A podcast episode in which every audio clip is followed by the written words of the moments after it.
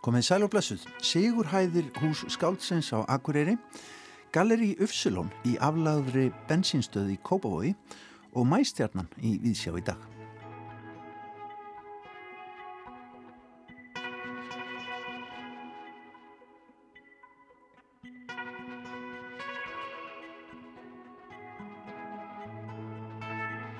Viðsjá hugar í dag að mæstjörnunni, ljóðavelunum sem Landsbókasam Íslands og Ríthöfundarsambandið standa að. Velunin voru afhendi í gær við hátíðlega aðtöfni í þjóðabókluðu. Í Viðsjá dagsins verður rætt við velunahafan Höllu Þorlugu Óskarsdóttur og hlustundur heyra einnig ávarp sem að hún flutti við afhendinguna. Við höldum síðan í Hamraborgina í Kóbói, ekki til að taka bensín heldur til þess að heimsækja galleri. Þar hóf starfsemi í yfirgefinni bensínstöð nýtt galleri um síðustu helgi. Gallerið heitir Ufsilon og í viðsjá dagsins verður rætt við Sigurd Alla Sigursson, annan rekja af aðstandendum gallerísins og Unubjörg Magnúsdóttur sem er allra fyrst listamanna til að sína verksín í þessu óvinnulega galleri. Og brátt færist líf að nýju í heið sögufræða hús Sigurhæðir á Akureyri. Húsið er frá árinu 1903 en þar bjó og starfaði þjóðskaldið Mattías Jokkumsson á samt fjölskyldu sinni. Gíja Holmgersdóttir brá sér í heimsókn í Sigurhæðir og hitti þar Kristínu Þóru Kjartansdóttur frá Flóru menningahúsi sem gekk nýlega frá leigusamningi við Akureyrabæ til næstu fjögra ára. Við fáum skíslu úr Sigurhæðum í þætti dagsins. En fyrst er það mæstjarnan við höldum í þjóðarbókluðuna.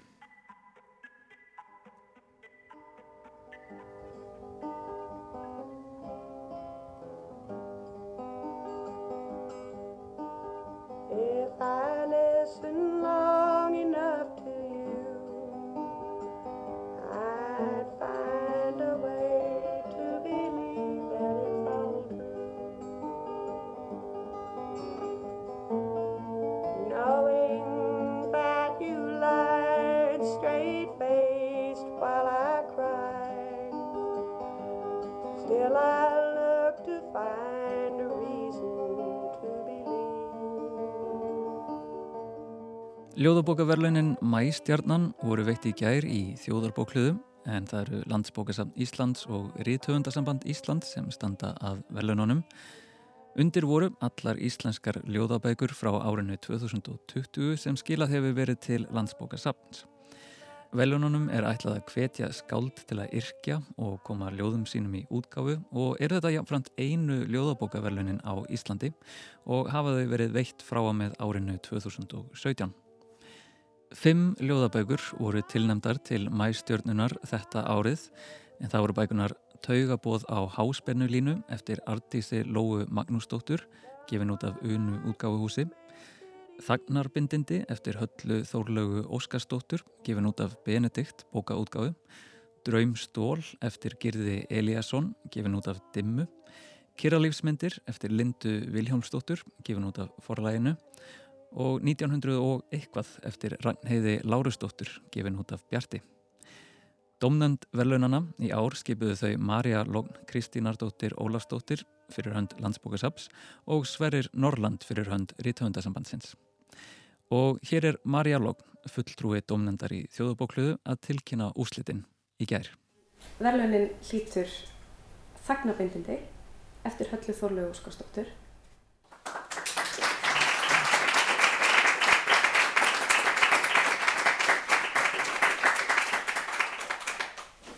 Þagnabindindi er áhriflík ljóðsaga sem sér sig ætt við Ímis eftirterktarverð verk frá síðasta áratug, jæmt innlend sem erlend, þar sem konu skrifa á hugdjarfan og hispusleisum hátt um sára og erfiða reynslu.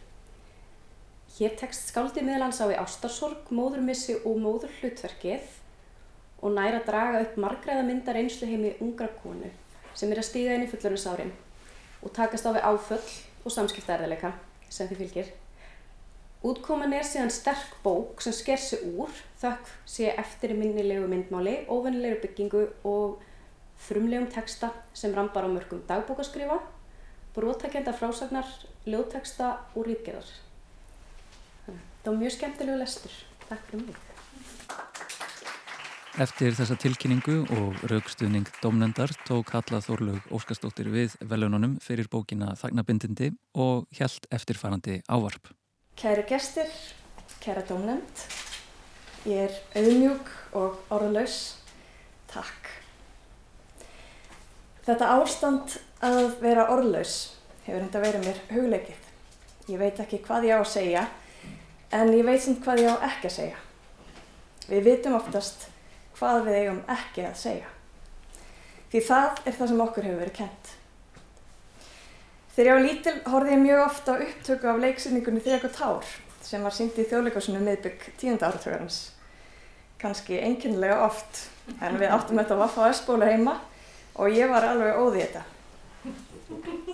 Það eru margar setningar sem óma enni hafði mér úr þessari uppfæslu En meðal þeirra sem ég gleymi aldrei er þegar Helga, persóna sem Edda Heiðrún leik, segir við pappa sinn. Orð geta veitt sár sem seint gróa. Ég var ekki nema nýjára þegar það verki var sínt í sjónvarpinu og skildi kannski ekki alveg hvað þetta þýtti. Ég skildi ekki heldur hvað hann hafi sagt sem særði svona en ég skildi þingdina í því sem hún sagði. Og mér fannst þetta svo merkilegt að orð getur veitt sár sem seint greru. Í hugsunarleysi höfum við öll látið eitthvað flakka sem við vildum óska að við getum tekið tilbaka. Stundum í bræði en stundum af því við veitum ekki betur. Við veitum ekki alltaf hvað við eigum að segja. Engver sem við elskum er kannski að ganga í gegnum eitthvað sem við skiljum ekki. Og þótt okkur langi að segja eitthvað þá er kannski betra en mitt þá að þeia og bara vera. Sína samkend með öðrum hætti. Því orðum fylgir ábyrð. En að vera orðlaus er ekki það sama að vera rallaus og stundum er mikilvægt að segja eitthvað. Ef það hefur rödd, þá ættir að nota hana. En það er grundvallar munur á því að segja eitthvað um sögu eða upplifin annara og að orða sögu, orða einn sögu og upplifin. En stundum gerist það samtímis, líkt að fyrir galdra, eins og í ljóðum. Í ljóðum skiptir ekki endilega máli hvað er satt og rétt. Blákaldar staðarindir, málsatvik og personur eru aukaatriði. Sannleikurinn er fólkin í skilningnum. Orð geta veitt sár sem seint gróa og stundum er best að þeia, en stundum er verst að þeia. Þögnin veitir kannski ekki áverka á þann hátt sem orð geta gert þegar þau meiða, þá sapnar sásökinn saman í eitt punkt eitthvað sem særir. En þögnin getur kæft og hún er þrúandi, yfirgnæfandi, yfirþyrmandi, allt um líkjandi. Hún getur tekið yfir allan heiminn, þögnin. Þögnin veitir kannski ekki haugróandi sár, en hún efnabreitir súrefninu svo það hættir að geta dreyið andan. Og þögnin getur litað loftið í kringum þig, svo smám saman verður þú ósynileg líka. Ljóð eru leið til að skilja, til að læra og til að hlusta. Og með því að skrifa tökum við þátt í einhvers konar samtali. Ég hef lesið texta sem orða það sem engin annar segir. Þannig tengjust við í sársöka og samkend yfir haf og heimsálfur. Hugsanir annara geta heilað þínar eigin. Orð geta grætt sár. Takk hella fyrir mig. Eftir þessi fögru orð höllu þorlugar tók Ragnheiður Tryggvadóttir, framkvæmdastjóri Rítuhundarsambands Íslands við orðinu og las nokkra velvalda teksta úr velunabókinni, Þagnar bindindi. Hver saga er köplótt. Við þekkjum dagana þar sem sköpunarþráin ræður ríkjum, hlátur, faðmlög og rauðvin. Og svo eru dagarnir þar sem raunveruleikin skellur á okkur eins og upprúlað dagblad, kremur okkur og krumpar vangina. Dagarnir þar sem sólinn skín og það kemur okkur ekki við. Ástinn lifir en kemur okkur ekki við. Það eru kaplar um mæður og það eru kaplar um dætur. Kaplar um konur og kaplar um þig. Á milli allra þessara kabla eru kablaskil og þar er kannski mesti sársökin. Með nýju hlutverki fylgja nýj glerugu.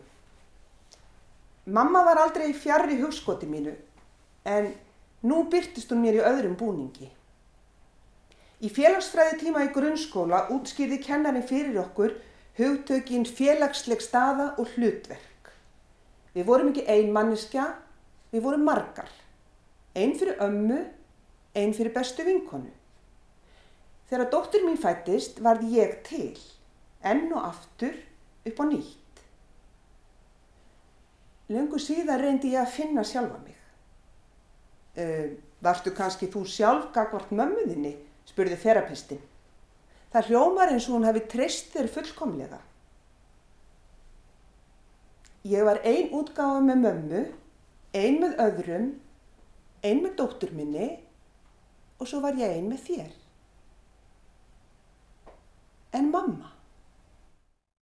Eftir lesturinn var síðan hleyft út úr fyrirlestrasalunum og sérstök síning á tilnemdu ljóðabókunum og verkum höllu þórlugar opnuð í andirinu og þar náði ég stuttu tali af velunahafanum í mannmerðinni. Halla Þórlaug Óskarsdóttir, mæstjórnahafi 2021, hvernig er tilfinningin? Um, hún er góð, ég er mjög þakklátt, ég er um, sannarlega bara hissa og, og hérna bara auðmjúk og já, þakklátt og, og glöð. Uh, var þetta allt vætlunin? Var mikið keppniskap þú gafst bókin út? uh, já, já, þetta var ætlunin. Nei, nei, nei, nei og þetta var í alvörunni rosalega, kom mér rosalega mikið ávart af því að hérna, ég er mikill aðdæðanda meðskald að minna sem voru tilnæmt og, og ég, bara, ég var bara upp með mér að vera tilnæmt með þeim og þannig að þetta, þegar ég fekk síntali var ég raunverulega tjúft hissa. Um, þessi bók, Þagnarbindindi,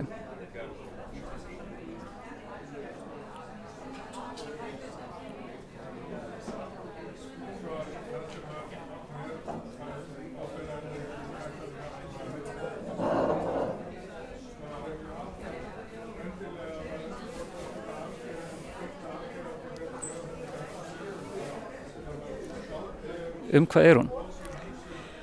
Um, góð spurning. Um,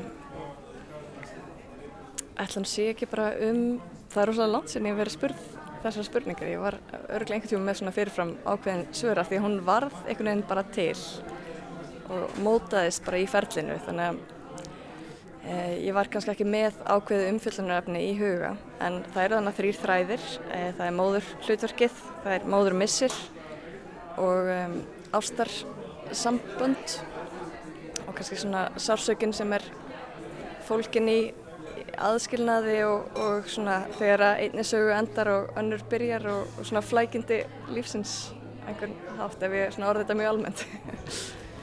Já og í bókinni er mikill sársöki og, og tölverð sorg og um, ég veit alveg Eirik Guðmundsson hérna í Víðs og þá myndist þú að þetta færi svolítið langt inn í kviku hvernig er það búið að vera svona síðan sex mánuði sem bókin hefur verið úti að veita af öllum þessum sásöka þarna úti? Það er rosa gott, rosa gott að losa hann út. Þetta er algjört heilunum ferli að, að skrifa og, og greina og, og sko sjálfsvinnan sem er fólkin í skriftum og ég held að það sé rosalega margir sem tengja við það. Fólk líka bara þekkir þetta örgulega eh, við dagbókarskrif og fleira að, að bara orða sásökan og orða eh, upplifanir þá umbreytast það einhvern veginn og maður auðvast einhvern skilning, svona eitri skilning sem er erfitt að kannski átta sig á þegar maður er bara velkjast um í einhverjum hugsunu, svona hugsanaflóði. Og uh, nú þegar bókin er orðin gripur og einmitt búin að vera úti í, í, í um hálft ár, um, finnst þér, og nú tala mikið um bókinu um að tíminn standi í stað, það eru bilaðar klukkur og ljósmyndir og, og oft fáar vísmyndingar um það að tíminn sé að líða. Um, finnst þér eins og þessir tekstar eða þessar tilfinningar standi þá kannski svolítið í stað? Er þetta meina tilfinningar sem ég fyrir þá að vinna með í bókinni? Já. Ég veit ekki hvort ég geti sagt að þær standi í stað. Nei, eiginlega kannski bara þvert um móti. Þær eru stanslust að umbreytast og ég hef, um, þegar ég hef komið aftur að þessum tekstum þá þýða er eitthvað annað fyrir mér og það er kannski svona kjarnin í þessu öllu líka að það er svona bara með því að vinna með sársöka og vinna með minningar og ég er líka að vinna með bara sásöka í kringum mig e, svona í gegnum samtöl og, og fleira að þá, þá verður hann að eitthvað öðru og, og svona um, já, hann er stanslist að breytast bara eins og minningar Einmitt. og er eitthvað í vandum? Ertu byrjuð á eitthvað öðru verki sem við getum búist þið? Uh, já, ég er alveg að svona byrja að hreipa neyður uh, grundrög að einhverju nýju bókverki en, en næsta dagskrá er samt uh, leikverk í borgarleikursunni sem ég er að vinna með æsku vinkunum minni og besta vinkuna Ásrúnu Magnúsdóttur sem heitir Ertu hér og verður loksins sínt eftir margar frestanir í september í borgarleikursunni. Frávært, til hafmyggi og áttu, ertu með eitthvað svona þema sem að bókvirkið myndi snúast til þess að stríða okkur með? Ég hef lengi ætlað að skrifa um uh, hérna, karlmennsku. Ég, yes. ég sél það sem þetta ekki dýrara en ég, ég er að reyna að selja það núna. Ég, við sjáum til hvað setur. Já, ég hlaka til. Halla Þorlaug Óskarsdóttir til hafmyggi með mæsturnina og takk kærlega fyrir að spjalla. Kæri þakkir, sem leiðis.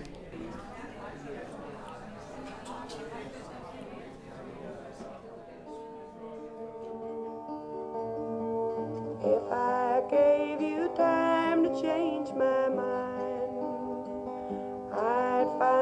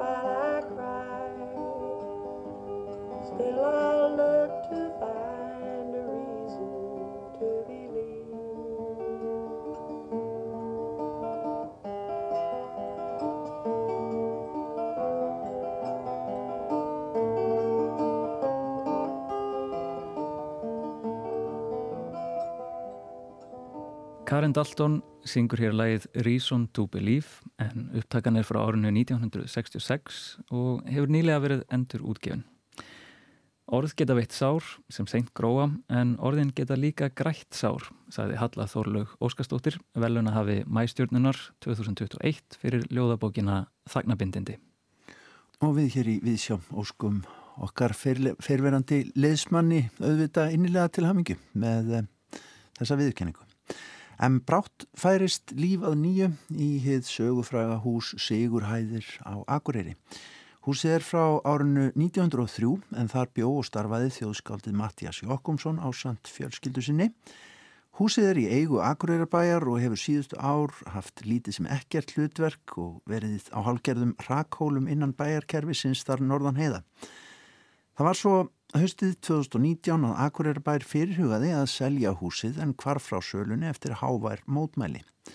Þá var ákveðið að bjóða húsið til leigu, Gíja Holmgeistóttir brá sér í heimsókn í Sigurhæðir og hitti þar Kristínu Þóru Kjartansdóttur frá Flóru menningarhúsi sem að gekk nýlega frá leigusamningi við Akureyrabæ til næstu fjögura ára.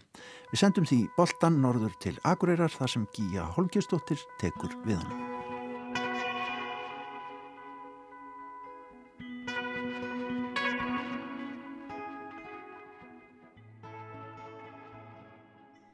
Ég er komin inn í Sigur Hæðir, þetta fallega hús skáldsins Mattiasar Jokkumssonar og fjölskyldu hann sem að kúrir hérna fyrir neðan Akureyrar kirkju í brekkunni og hjá mig stendur Kristín Þóra Kjartansdóttir sem ætlar að taka við þessu húsi og glæða það að lífið að nýju.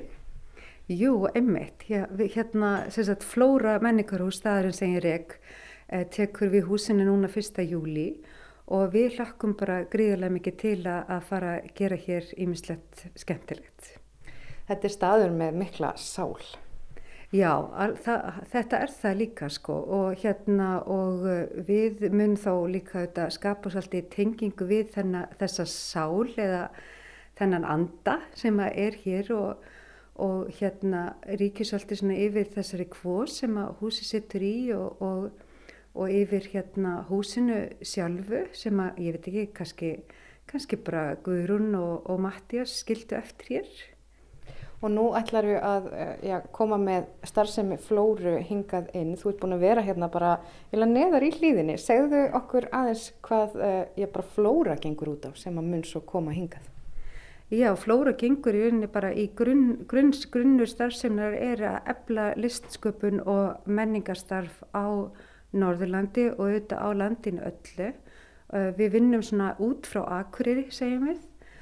Staðun sem við höfum verið ánir í Hafnastrætinu E, þar höfum við verið með þessa blöndu af vinnustofum, vestlunarluta og viðburðum og menningarstarfi og sérst sjáum utanum nokkur menningarverkefni, sérverkefni á menningarsviði og, hérna, og það flýst með okkur hingað upp í Sigurhæðir á samt líka vinnustofunum og það verður engi sérstakur vestlunarhluti eins og er nýri í húsin okkar hér í Hafnastrætinu um, en það verður svona auðvitað eitt annað til sölu en það hluti af rekstri staðarins líka. Uh, það er fjármagn sem kemur inn þar. Uh, og svo ég mitt verða sérst vinnustofur hér fyrir um, fjölbreyttan hóp skapandi aðila. Og það er svona í rauninni fyrsti hluti starfseminar sem að byrja hér í Sigurhæðum það er vinnu aðstæðan og það er strax komin einn aðli sem að allar að byrja að vinna hér strax í sumar og fram á, fram á haust og, og það eru auðvitað margir áhuga samir um þetta en það er indislegu staður að, að geta hérna synd sínum hugðarefnum í stýttrið eða lengri tíma. Já. Gungum aðeins um húsið og fáum svona tilfinningu fyrir rýminu. Já, algjörlega. Já, þetta er þess að hérna uh, tvær dagstofur uh, hafa verið tvær dagstofur fjölskyldunar og uh, hérna mér skilst að þær hafi verið gerða svona í rauninni svipor þær eru í dag uh, á sjönda áratögnum þegar það er opnað hérna svona eilegt sapn um Mattias Jökkumsson sem var í gangi í smá tíma. Uh, síðan er hérna inn af þessum dagstöfum tveim er sagt, í rauninni vinnuherbyggi Mattiasar eins og eins og var nú tíðkast á þeim tíma að húsbóndin hefði, hefði vinnastöðu og þegar uh, þau flytja hinga uh, í, í Sigurhæðir 1903 þá eru þetta Mattias líka um, hættur preststörfum formulega þó hann sé eh, mikill sálusorgari í bænum áfram.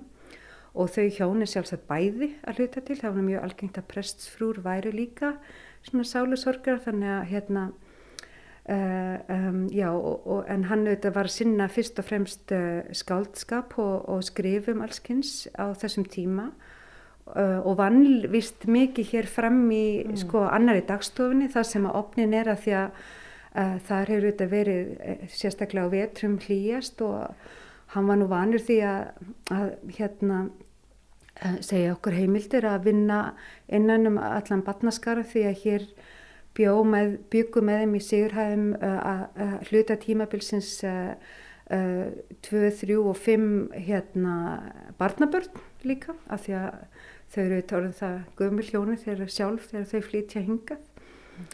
Uh, þannig að það hefur verið mikið fjör hérna í þessum dagstöfum bæði við vinnu og störf og þær konurnar sem sagt Guðrún, uh, eiginkona Mattiasar og Þóra uh, sýstir Mattiasar sem bjóð mikið til með þeim hér og dætu þeirra tvær sem að fluttu aftur heim semst með þessi barnaböld þá.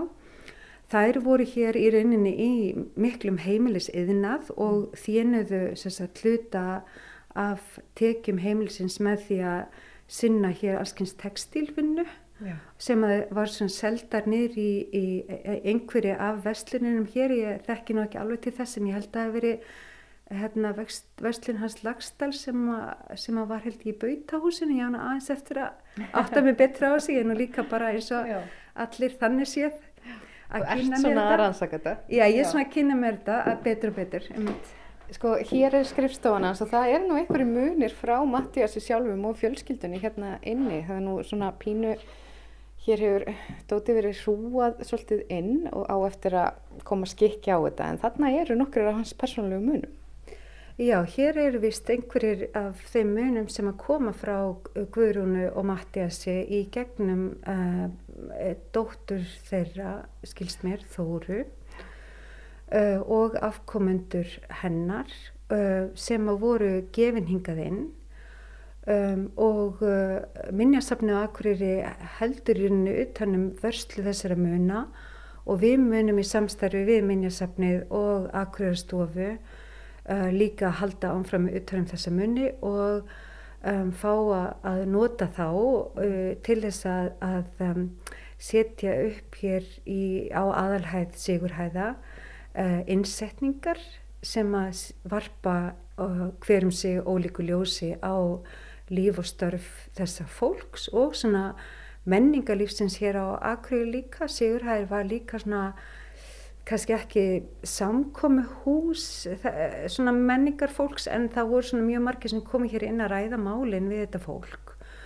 Og til dæmis margir af rítumundum hér uh, norðan heiða komu, voru regluður gestir hér hjá uh, Mattiasi og líka uh, rítumundar af Sunnan sem kom hinga og jafnvel frá um, nýju, Nýja Íslandi í Ameríku mm. sem að komi hér til Mattiasar að heimsækjan og, og ræða málinn og, og hitta þetta fólk líka Já. bara. Þannig að það má segja að þið ætlið að skapa aftur þann svona vettvang, sköpunar mm og samtals, stefnumóts ólíka aðila já, til þess að uh, sinna sínum hugðarefnum. Já, í rauninni gerum við það sko, þetta fer eiginlega bara uh, mjög fallega saman fyrst mér sko, bæði uh, það sem við höfum verið að gera og munum gera hér ánfram í vinnustofunum er að vera með þessa ólíku aðila sem að eru að vinna saman að sinni listsköpun og, og hönnun og það er þá þú veist tónlistafólk, leiklistafólk, uh, einmitt hönnuðir, myndlistamenn, rítöfundar. Við leggjum áherslu á hér í Sigurhæðum að vinna með fólki sem er að, er að vinna með texta, þú veist mm. það getur verið einhver sem er að semja söngteksta, það getur verið einhver sem er að skrifa leikverk e eða myndlistamenn sem eru að vinna með texta, þetta er mjög margi myndlistamenn að vinna með texta. Og mér finnst þetta að fara einstaklega vel saman við í rauninni uh, þann tíðaranda og, og svona um, lífsmáta og starf sem að, að Guðrún og Mattias voru með hér í húsin sem var líka uh, sko menningarlega séð mjög fjölbreytt. Þú veist, dætuna voru líka mikið í söng og, og leiklist og líka eitt sonur þeirra, hann var söngvari. Uh, hérna, þannig að þú veist, hér inni á þeirra tíma var rosa svona fjölbreytt uh, lista og menningarlífi í gangi reyni. Já, færum okkur yfir á efrihæðina. Þar ætlar að, og ætlir því að hafa svona vinnu, vinnurými. Já. Mjön fólk leia það til lengri eða skemmri tíma, hvernig hafið þið hugsað það? Já, það, það mann verður þannig fyrirkomulega á að fólk getur sagt, fengja aðstöð hér í stittri og lengri tíma og borgar þá mjög vægt uh, aðstöðugjald. Mm. Þannig að það verður ekki dýrt að að leiði sig hérna inn en það er þetta niðugreitt af uh, akkurabæstar sem er okkar hér inni þannig að við bara meilum því ánfram fjárhastlega í sama, sama uh, standard eða þannig. Komum hérna upp, þetta er svona stíi sem að einkennir eldri hús, hann er, hann er nú ekkert svo brattur en, en enga síður. Hér er, hér er nú bara þægilegasta aðstæða. Það er eldhúskrókur og lítið baðherbergi og það er bjart hérna, miklu bjartara heldur en bara þá hæðinu fyrir neðan. Já, hann alltaf líka eru enga gardin fyrir klukkunum en svo eru við líka bara komin herra jú, jú. upp og, og hérna og uh, hér er náttúrulega uh, eins og Mattias, haft þetta Mattias í sjálfum, uh, fögur útsjón, það er mjög fallegt útsýni hér yfir Pollin og inn Eyjafjörð líka. Um, hér eru sem sagt einmitt þessi uh, eldhúskrókur sem að nýtist bara vel sem svona, sem svona kaffi aðstæð fyrir þau sem eru að vinna hér á hæðinni og salerni líka. Og svo eru sem sagt í, í rauninni fjögur ó, mjög ólík herbergi. Mm. Það er hérna eitt í norður sem að uh, er með bara svona góðum glugga í norður og, og er, er gott kannski til dæmis fyrir þeir sem eru að vinna mikið við skjáin og að annað líti herbyggi inn af því sem er, er svolítið dimmt en ég þekki það af þessum vinnustofu rekstri að sumir vilja akkurat eitthvað svona. Þú um mig talar um hvað herbyggin eru ólík og, og, og það er alveg satt, þau eru mjög svona fjölbreytt. Já, emmitt, hér, hér er hérna er svona lítið herbyggi en, en með uh, afskaplega bara mikil fenglegu útsýni. Ég, vil nú kannski skjóta því inn að ég var sjálf hér í þessu herbyggi með vinnastu þegar hérna Erlingur Sigurðarsson rak hér uh, sitt góða reitlistasettur í kringum 2000 í nokkur ár. Þá var ég að koma frá námi í Þískalandi og, og fekk að vera hér inni til að ljúka nok nok nokkrum verkum sem ég var að sinna á þeim tíma og það var alveg indislegt. Hér er mjög gott að vinna, ég er bara búin að, búin að sannreina það sjálf. Talandi um það, hvaða starfsemi hefur verið hérna í Sigurhæðum svona eftir að, að, að, fjölskylda fluttist í þann og, og það voru nú íbúar hérna á tímabili en svona eftir að húsið varð uh, að eign aðkröðabæjar? Já, sko það, eftir þess að ég þekki söguhúsins best uh, og, og eins og ég segi þá er ég nú ennþá að læra þetta allt saman líka. Um, en hérna að þá eignast Akurabær húsi held ég í tveimur hlutum, ég held að bærin hafi fyrst eignast neðri hæðina eða sérst aðalhæðina og jafnvel kjallaran mm. og efri hæðin hafi sérst sem verið mín núna verið þegar áfram í engaeigu og notur sem íbúð. Það bara bjó hér fólk lengi vel í húsin og ég hef, uh, hef fengið fengið hérna svolítið veður af þeim eða þú veist þau hafa haft svona hálfgeila samband við mig og, og það er voða gaman að heyra, heyra sögur um hús og húsið og tengja, tengja fleira fólk við það, það bara er ægilega gaman að heyra það. Og hérna og síðan náttúrulega var hérna sagt, á aðalhæðinni í einhver tíma, einhver ár. Mm. sapn Uh, sem ég veit að Daví Stefórsson og, og, og fleiri hér á Akureyri á þeim tíma höfðu aðkomi að að setja upp og frumkvæði að. Uh, og svo var rittlistasetrið sem að Erlingur sá um og var er unir ekki af Akureyri held ég sér rétt hjá mér í nokkur ár hérna í kringum 2000 og síðan var um, hérna, minnjasafnu Akureyri með uh, svona um, síningu hér neyri á aðalhæðinni um, í nokkur sumur og sem var opið almenningi hér held kannski sumurinn 2016, 17, 18 cirka bort einhver þrjú, fjögur sumur kannski en svo bara hefur sko er ekki til sko kannski það mikið af munum skilst mér til þess að setja upp svona hefbundna sapsýningu um uh, Mattias þannig að hérna, já, að um, mér skilst það að hluta til að því, þeim ástæðum hafi það ekki gengið lengur. Já. Já, en það er sérst ekki vandamál fyrir okkur að setja fáurmunir að því að við náttúrulega vinnum kannski ekki þó við vinnum með sapnafólki að þessum innsetningum um Mattias og Guðrun og þau öll þá vinnu kannski ekki hefbundið svona sapnarlega, þú veist. Þetta verður í svolítið flæði og bara þetta fer eftir hvað kemur til ykkar, hvaða fólk hefur samband, hvaða sögur þið fáið, hvernig þið upplifið svo að vera í húsinu, mögulega. Já, auðvitað og svo eru við náttúrulega nú þegar með ákveðna vingla og áherslu sem við viljum setja í sko, en kannski munum við vinna líka eitthvað meira með listamennum, ólíkum listamennum líka bara út í tónlist og leiklist til að, hérna, að skapa hér svona þannig líka nálganir við Mattias og þetta, góða fólk. Já. Svona aðlokum, hvenar má búast við að, að já, hvernig svona ætliði að láta starfsemina hefjast hérna? Já, sko, hérna, við, það er við tökum sérst við húsinu fyrsta júli núna næstkomandi og eins og ég sagði á þá bara er, sagt, er strax eitt sem er að koma hér inn að vinna svona e, í smá tíma allavega og þá bara fólk getur bara að fara að hafa samband til þess að aðtuga með vinnustofur hér og, og, og, og fá síðan að koma og skoða svona frá fyrsta júli og hérna þannig að við byrjum á því. Og síðan verða, verða tvær ungar um, Uh, myndistakonur með innsetningu hérna uh, og hún verður opinn um, um Vestlumannhelgina þannig að það er svona smá svona hérna fórskot á sæluna á starfseminni hér í húsinu uh, og síðan verða nokkru viðburðir sem við eigum eftir að setja nákvæmlega upp sem að verða svona í formi eins konar húslastra í haust og er stemt á að fyrst í slíkur verði á Akureyrarvöku sem er ammæli Akureyrarbæri í lók ágúst.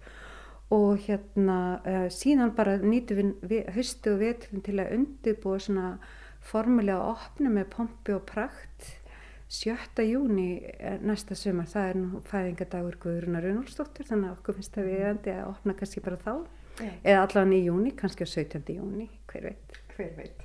Þetta er spennandi, það er líf að færast aftur hér í Sigurhæðir á Akureyri. Takk fyrir að fræða okkur um húsið og já, þessa framtíð sem að býði þess. Takk fyrir Kristín Þóra Kjartansdóttir. Takk fyrir komuna. Við sjáum komin hérna í Hamraborg í Kópavogi. Hér upp á vegg auglýsir OB lægsta verðið hjá sér.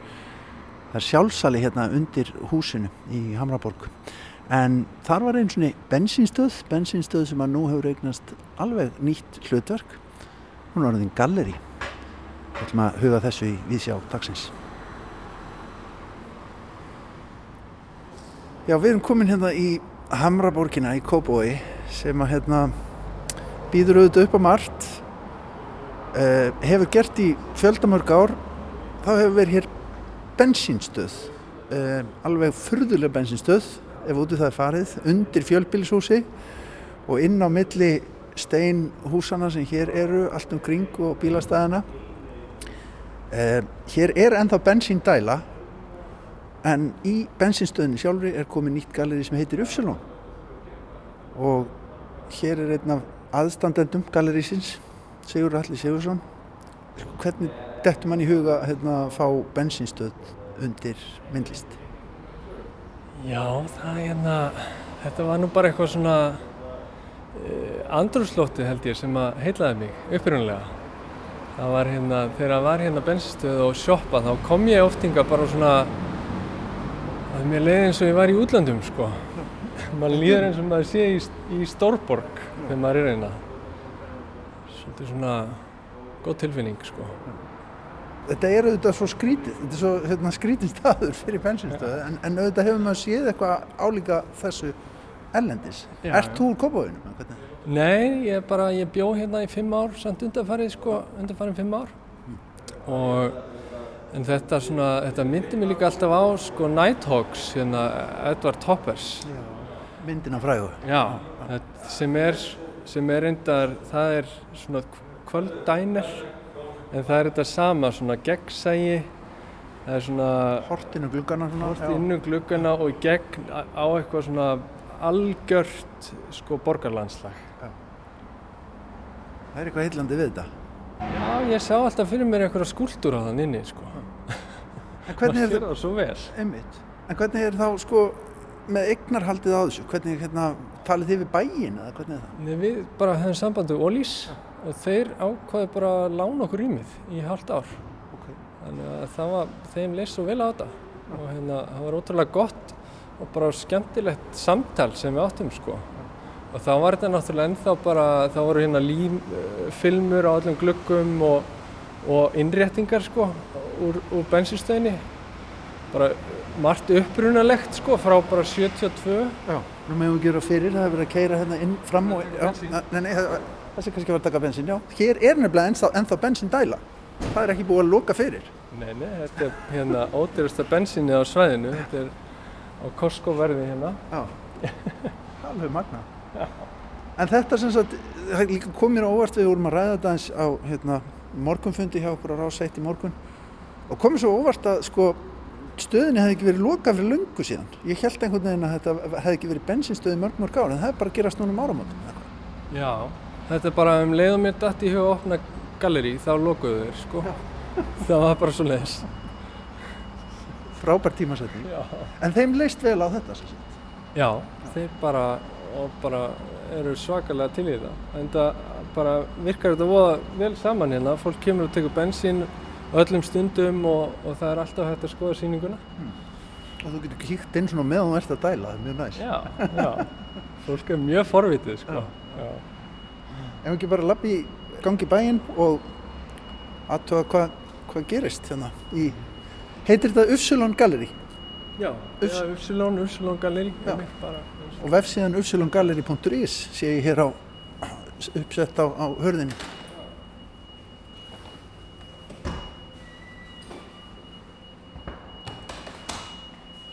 Jaha.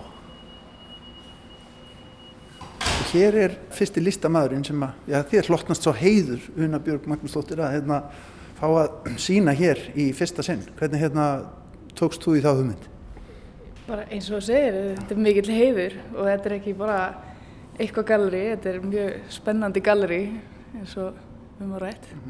Áskurinn, ég veit það ekki, það er bara spennandi auðvitað, þetta er alltaf bæði, bæði hérna rýmið og, og gólfið hérna, sérstaklega flýsar og Akkurát og í flísunum að tekur eftir því að stendur hérna ólís, það er Já. ljósar flísar settar í til þess að mynda orðið ólís. já, Þetta er allt í stíl.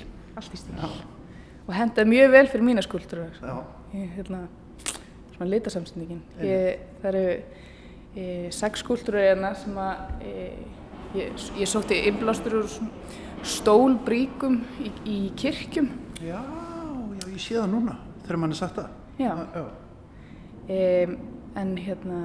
og- Þetta eru sagt gablarnir á, á, Já, á, svona fjaldnar á endunum þegar þú gengur um kirkjugólfið. Og, og mér fannst einhvern veginn svona eins og, og svo er oft í, í uh, hefðbundið í kirkjum þá er oft búið að skreita þetta eða með þess að skreita þetta með einhverjum e, tákunum eða, eða helgimyndum eða einhverju. En, en mér fannst einhvern veginn formið sjálft einhvern veginn alltaf takast að upphefja þessar myndir. Þannig að ég, ég ákvað að fá, fá þessi form að láni eða svona líki eftir þeim og, og setja aðra myndir til þess að nýta þessa aðferð að upphefja þessar myndir. Hvers slags myndir eru það sem þú setur hérna? Hér er til dæmis hvað? Perlufesti? Hvað? Er prellifest að slitna og blóm, litli daggardrópar. Þetta er svona bara e, svona stutt, e, hverstagslega einhverju. Hérna er blossi, þannig að þetta er svona eh, smá, svona lítil augnablik sem maður vill kannski grípa eins um og, og einhvern veginn varðveita sem er venjulega mjög erfitt. Eða ómögulegt. Hvað er það sem að heillaði þig við, við svona hennan, þessa svona kirkjulegu veröld sem þú speklar því í í þessu? Eða svona þetta, hérna, þetta trúalega rými sem þetta vissulega kemur úr? Já, e, að, að því að einhvern veginn það er e, formið, ekki bara myndirnar, ekki bara helgimyndirnar eða, eða hérna, e, dýrlingarnir, einhvern veginn sem er, er heldur bara formið og rýmið sem það er inni, það er einhvern veginn svona, hérna, það næri að grípa undir meðutundina og, og segja þér eitthvað meira. Þannig ekki bara myndirna beint heldur líka sko, handverkið. Þannig ég ákvað að taka handverkið frekar heldur um myndirnar og, og setja aðra myndir í staðinn. Eins og þessi ilmur sem er að sleppa úr, úr flöskunni. veginn. Því, því meira sem þú reynir að þefa þá hverfur ilmurinn. Þannig að það var einhver tilhörn til þess að grípa það. sko. Stuttið þér í heila þegar maður verið að hugsa hans svona.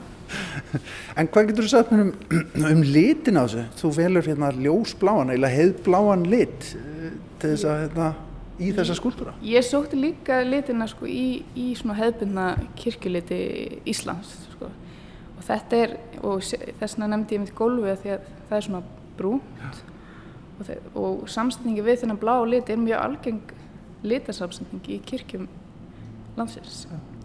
Þannig að mér fannst það líka einhvern veginn, það er svona þetta, þetta sem maður tekur ekki endla eftir að hef, hafa áhrif á sig þegar maður fer inn í kirkjur sem ég langa að nota og en svo var það líka einhvern veginn, mér finnst þessi blái litur vera einhvern veginn koma næst svona ljósaskipta blámanum sem er á sumrin. Þessi óútskýranlegi Já. litur sem kemur einstakar sinnum yfir mann. Já. veginn. En hérna þessi mynd hér við, við gablin, hvernig er hún unnin? Þetta er samsett mynd. E, það er aðeins meiri mystik í, í henni. Þetta er e, samsett úr, úr uh, þremur myndum allavega. En þetta er svona útskorinn útskorinn munstur á hurð, svona hérna e, krans og inn í kransinum er að opnast ormagöng Og út- Gáttur í annan heim. Já. Og úr þessari gátt kemur hendi sem heldur á, á kúlu eða perlu. Höndin sjálf er hún bara þessi ljósmynd eða hvað, þannig að þetta er einhvern Já. veginn samsett. Þetta er allt ljósmyndir sem er bara samsettar. Nú nema kannski hérna gáttin, ég, það er meiri tekning.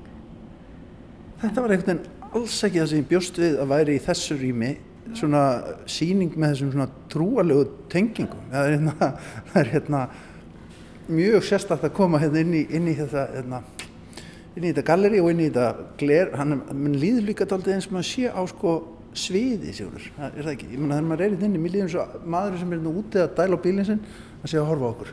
Þetta er, hann er að horfa á okkur. Einmitt, þetta er svona eins og okkur lítil hérna kapella, Já. lítil frönsk kapella.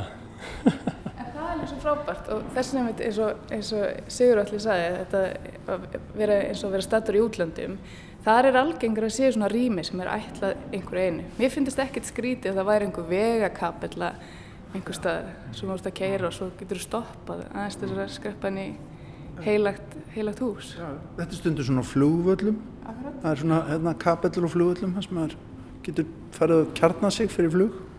En þetta var einmitt, þetta rými myndi mig alltaf svo mikið á Frakland. Nú. Og já, að því ég bjóð þar í, í fimm ár, var í námi þar og hérna, og síðan var ég svona búinn að vera að velta þessu fyrir mér og ræða þetta við eitthvað fólk. Og þá komst ég að því að Benjamin Magnússon sem teiknaði húsið læriði í París. Sko á, á sjönda áraturnum kemur síðan heim og teiknaði þetta hús. Og, og Þá ertu að tala um Hamraborgina alla? Já, þetta er svona þennan fyrsta áfanga í, í mið, nýjum miðbæ Kópavóks og, og þetta var sem sagt ætlað sem uh, svona samþætting til að samþætta mannlífið. Það er hérna uh, íbúðarhúsnæði, verstunarhúsnæði og síðan bensinstöðin og, og ég fór að hugsa um svona þessa frans, hérna, franska arkitektur sem að eftir stríðs árana þar sem að uh, arkitektar nefna húsin sín oft síte eða borgir. Og hér er Hamraborgin sko og þá fór ég að hugsa um Le Corbusier sem að, að því hann er svona áberandi í Marseille Þú varst þar. Já, um mitt og, og þar er hús sem heitir La Cité Radieuse sem að er svona í rauninni svona tákmynd þessa arkitektúrs. Það er fullt af íbúðum, það eru svona inn, innanhús verslunargötur og þaki húsins er garður, steinstiftur svona brutalist garður, almenningsgarður og hérna og, og þá fór ég að tenga býtunum við þetta er La Cité Radieuse þýðir, maður þýðir að sem sko geislaborgina og hér á þaki bílakjallarans er teiknaði Benjamin garð sem heitir Geislagarðurinn. Já.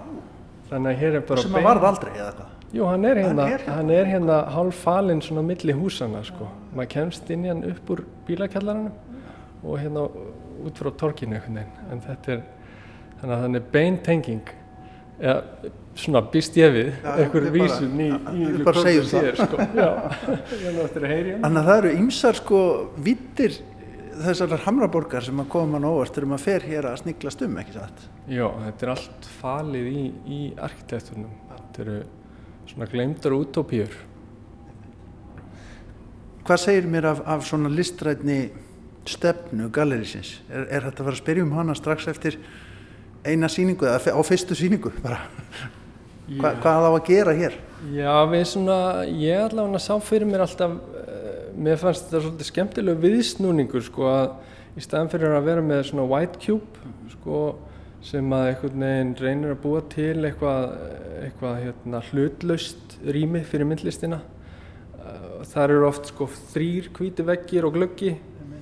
Hér eru þrýr gluggar og, og einn hvítu veggur. Já. Þetta er svona búið að alveg snúa á, á kvolf og, og einhvern veginn sko umhverfi verður bara algjörlega partur af rýminu.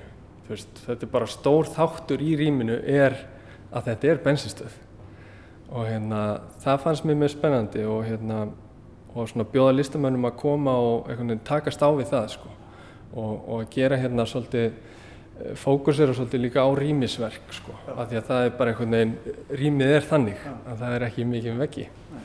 auðvitað er þetta að hengja eitthvað gegnsætt í gluggana en, en þá ertu kannski pínlítið búin að já, þá ertu komið aðra vitt sem er ekkit endilega málið. Já, já, ég minna þá er það bara svona einhver listræn ákvörðun sko, en síðan erum við reynda líka með, það er í, í raunin er gallerið svona þrískipt, það er sko umhverfið og, það sem maður sér inn og síðan þegar maður er komin hérna inn í þetta síningarými, en síðan erum við líka með bakrými þar sem við hengjum upp verk og sínum og erum með til sölu líka eftir aðra listamenn. Er það bara hér á bakvið? Já. Verðilega ekki ekki á það, veist það, hérna já, hér er svona bara lítill kontor. Er þetta þá bara fyrirverandi kaffistofa starfsmanna? Já, einmitt, þessi fallega 70s uh, eldursýnrétting sko. Þetta er dásalegt. Já. Hér hanga verkin innanum, innanum og hérna og þetta er sem sagt svona sölu vítin í þessu ver, verður. Já, já, akkurat. Já, Merkilegt. já.